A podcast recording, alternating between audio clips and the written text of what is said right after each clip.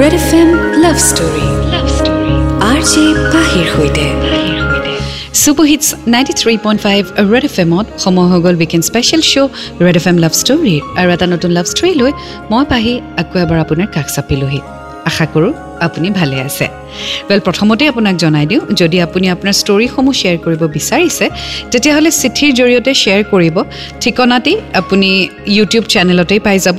আপুনি ডেছক্ৰিপশ্যনত চালেই হ'ল নতুবা লাভ ষ্টৰিটি শেষ হোৱাৰ পাছতো আপুনি আমাৰ এড্ৰেছটি পাই যাব। তাৰোপৰি আপুনি ফেচবুক ইনষ্টাগ্ৰামতো আমাৰ ঠিকনাটি পাব। কিন্তু মনত ৰাখিব যদি আপোনাৰ বয়স ওঠৰ বছৰতকৈ বেছি হৈছে তেতিয়াহে আপুনি ষ্টৰিসমূহ শ্বেয়াৰ কৰিব।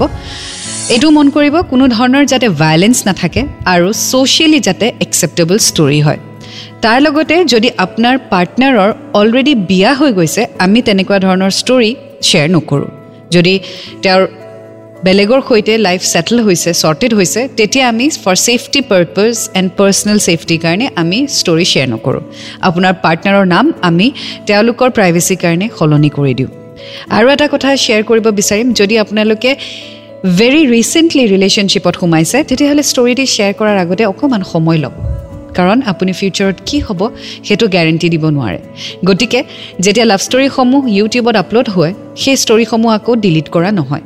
চ' ষ্টৰিটি শ্বেয়াৰ কৰাৰ আগতে দহবাৰ চিন্তা কৰিহে ষ্টৰিটি লিখি পঠিয়াব। চ' আজিও এখন চিঠি হাতত ল'ম। এই চিঠিখন আহিছে ৰেহানা চুলতানা বেগমৰ পৰা। চ' তেওঁৰ ষ্টৰি আজি শুনিম। অপেক্ষা কৰক। এণ্ড্ৰইড এফ এম বাজাতে ৰহক Red F M love story love story R J পাহিৰ সৈতে super hits ninety three point five Red F এমত সময় হৈ গ'ল weekend special show' Red F M love ষ্টৰীৰ আৰু এটা নতুন লাভ ষ্টৰী লৈ মই পাহি আকৌ এবাৰ আপোনাৰ কাষ চাপিলোহি। আজি যিখন চিঠি হাতত লৈছোঁ এই চিঠিখন পঠিয়াইছে ৰেহানা চুলতানা বেগমে। চ' আহক শুনো আজি ৰেহানাৰ লাভ ষ্টৰী হেল্ল' পাহিবা আশা কৰোঁ তুমি ভালে আছা। পাহিবা মোৰ নাম ৰেহানা।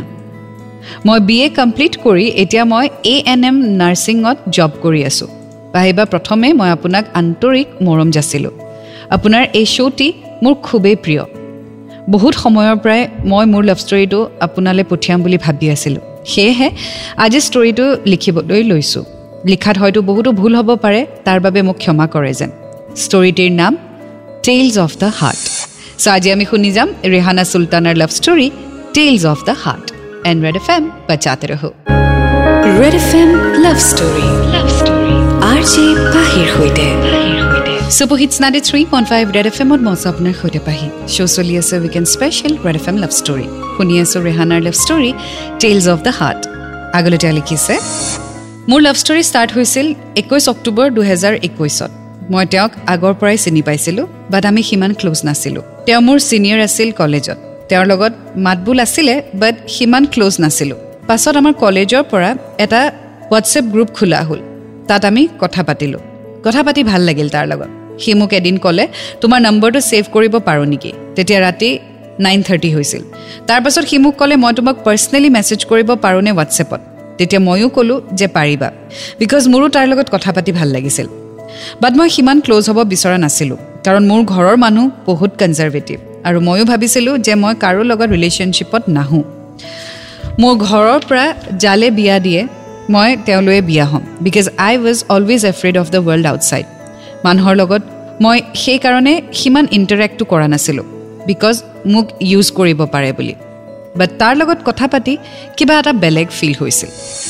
চ' আগলৈ কি হয় জানিবলৈ শুনি থাকক আজি story tales of the heart and Red F M বেজাতে ৰহক Red F M love story love welcome back show' চলি আছে weekend special Red F M love story মই আপোনাৰ সৈতে পাহি শুনি আছোঁ Rihana চুলতানাৰ love story tales of the heart আগলৈ তেওঁ লিখিছে বিছ অক্টোবৰ ৰাতি আমি হোৱাটছএপত কথা পাতি আছিলোঁ ভাল বেয়া সুধিলোঁ সি মোক মোৰ কথা সুধিলে আৰু মই তাৰ কথা সুধিলোঁ কথা পাতি খুবেই ভাল লাগিল পাছত সি মোক ক'লে মৰ্ণিঙত এটা কল কৰিবলৈ তো মৰ্ণিং সাত বজাত মই তাক ফোন কৰিলোঁ মই সেইদিনা মামাৰ ঘৰত আছিলোঁ ৰাতিটো তাতে থাকিলোঁ। মই অলপ নাৰ্ভাছো হৈ আছিলোঁ। কি বুলি বা কথা পাতিম কি হ'ব এইবোৰৰ কথাই মাইণ্ডত আহি আছিলে। তথাপিও মই কল কৰিলোঁ ভয়ে ভয়ে। মই শুয়ে আছিলোঁ তেতিয়া। তেওঁ কলটো লগালগ একচেপ্ট কৰিলে। সেইফালৰ পৰা হেল্ল' বুলি ক'লে। ময়ো নাৰ্ভাছ ভইচ এটাৰে হেল্ল' বুলি ক'লোঁ। চ' ফোনত কি কথা হয় জানিবলৈ অকণমান অপেক্ষা কৰক এন ৰেড এফ এম বা যাতে ৰহ Red F M love story love story R J পাহিৰ সৈতে ৱেলকাম বেক শ্ব' চলি আছে Red F M love story মই আছোঁ আপোনাৰ সৈতে পাহি আজি শুনি আছোঁ ৰেহানা চুলতানৰ love story tales of the heart আগলৈ তেওঁ লিখিছে তেওঁৰ মাত শুনি মই বহুত ভাল ফিল কৰিছিলোঁ বহুত নিজৰ যেন লাগিছিলে আৰু বহুত কমফৰ্টেবল ফিল কৰিছিলোঁ তেওঁৱেই ষ্টাৰ্ট কৰিলে কি খবৰৰ পৰা আৰম্ভ কৰিলে পাহিবা আপুনি জানে তাৰ মাতটো মই ইমানেই ভাল পাইছিলোঁ যে তাৰ এটা এটা কথা মোৰ কাণত আছে। আমি যি পাতিছিলোঁ। মই সেইদিনা তাৰ লগত তিনি ঘণ্টামান কথা পাতিলোঁ। মই প্ৰথমবাৰ কাৰোবাৰ লগত ইমান লং কনভাৰ্চেশ্যন কৰিছিলোঁ। কনভাৰ্চেশ্যনৰ লাষ্টত সি মোক কৈছিলে কথা এটা কওঁ। ময়ো ক'বলৈ ক'লোঁ। তেতিয়া সি কৈছে তোমাৰ মাতষাৰ খুব ধুনীয়া। আকৌ এবাৰ ক'লে আৰু এটা কথা কওঁ বেয়া পাবা নেকি? মই আকৌ ক'লোঁ কোৱা। তেতিয়া সি সুধিলে তোমাৰ বয়ফ্ৰেণ্ডৰ খবৰ ভালনে? ময়ো তেতিয়া ৰিপ্লাই দিলোঁ ভালেই বুলি। ৱেল ৰিহানাৰ বয়ফ্ৰেণ্ড আছে সেই কথাটো ৰিহানাই কিন্তু আমাক কোৱা নাছিলে চিঠিখনত। এতিয়া ধেমালিতে ৰিহানাই ভাল বুলি ক'লে এনে সঁচাকৈ তাইৰ বয়ফ্ৰেণ্ড আছে জানিবলৈ অকণমান অপেক্ষা কৰক এন ৰেড এফ এম বজাতে ৰহ। Red F M love story love story. R J পাহিৰ সৈতে। Welcome back to the show' Red F M love story মই আছোঁ আপোনাৰ সৈতে পাহি আজি শুনি আছোঁ ৰিহানাৰ love story tales of the heart আগলৈ তেওঁ লিখিছে সি মোক বয়ফ্ৰেণ্ডৰ কথা সোধাত মই ভাল বুলি কোৱাত সি হাঁহি এটা মাৰিলে। আৰু মোক এইটোৱে সুধিলে যে মিছা কৈছোঁ নেকি। মই তেতিয়া ক'লোঁ সঁচাকৈ মোৰ বয়ফ্ৰেণ্ড আছে। তাৰপিছত তেওঁ সুধিলে ক'ৰ হয়? ময়ো এনেই কিবা কিবি ক'লোঁ বাট তেওঁ গম পালে যে মোৰ বয়ফ্ৰেণ্ড নাই। তেওঁ মোক ক'লে তোমাক আৰু এটা কথা কওঁ বেয়া পাবা নেকি? আৰু তেতিয়াই সি মোক প্ৰপ'জ কৰিলে যে সি হেনো মোক ভাল পায়। যিদিনাখনৰ পৰাই সি মোক দেখিছে সেইদিনাখনৰ পৰাই হেনো তাৰ মোৰ প্ৰতি ফিলিং আছিলে বাট ক'ব পৰা নাছিলে। সি যেতিয়া এই কথাষাৰ ক'লে মই একদম স্তব্ধ হৈ গ'লোঁ। মই একো ক'ব পৰা নাছিলোঁ।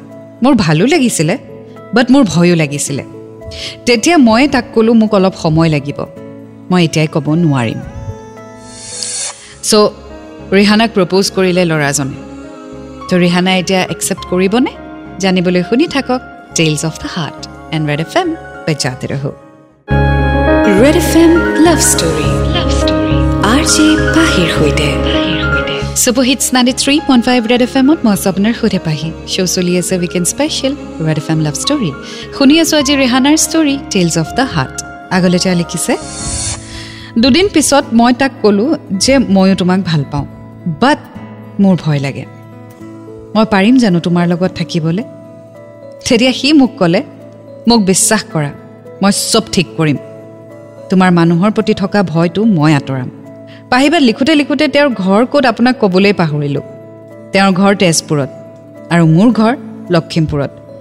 তেওঁৰ মাক আছে দেউতাক নাই আৰু তেওঁৰ ককায়েক এজনো আছে। চ' এতিয়াহে ৰেহানাই ৰিভিল কৰিলে যে ল'ৰাজনৰ ঘৰ ক'ত। এতিয়াও কিন্তু নামটো জনোৱা নাই। চ' আমি এনেকৈ ৰাখোঁ। যিহেতু তেওঁ নামটো জনোৱা নাই আমিও একো নাম নিদিওঁ চ' আগুৱাই গৈ থাকিম আজি ষ্টৰিটিৰ সৈতে এন ৰেড এফ এম বজাতে ৰহ। Red F M love story love story R J পাহিৰ সৈতে। Welcome back to the show' Red F M love story মই আছোঁ আপোনাৰ সৈতে পাহি। আমি শুনি আছোঁ আজি ৰেহানাৰ story tales of the heart আগলৈ তেওঁ লিখিছে পাহিবা মোৰ ঘৰৰ কথা অকণমান জনাই দিওঁ। মোৰ দাদা এজন আছে নবৌ আছে আৰু মা দেউতা আছে আৰু অকণমানি ভতিজা আছে। সি বহুত ভাল ল'ৰা পাহিবা সি মোৰ ভয় আঁতৰাই দিলে। এতিয়া সি জব কৰি আছে। সি বৰ্তমান গোৱাত আছে। মই এতিয়া গম পাইছোঁ পাহিবা যে ভাল মানুহ আছে। মই তাৰ লগত থাকি গম পাইছোঁ সি মোক বিশ্বাস কৰাইছে। আচল কথা মানুহৰ বিশ্বাসৰ পাত্ৰ হোৱাটো।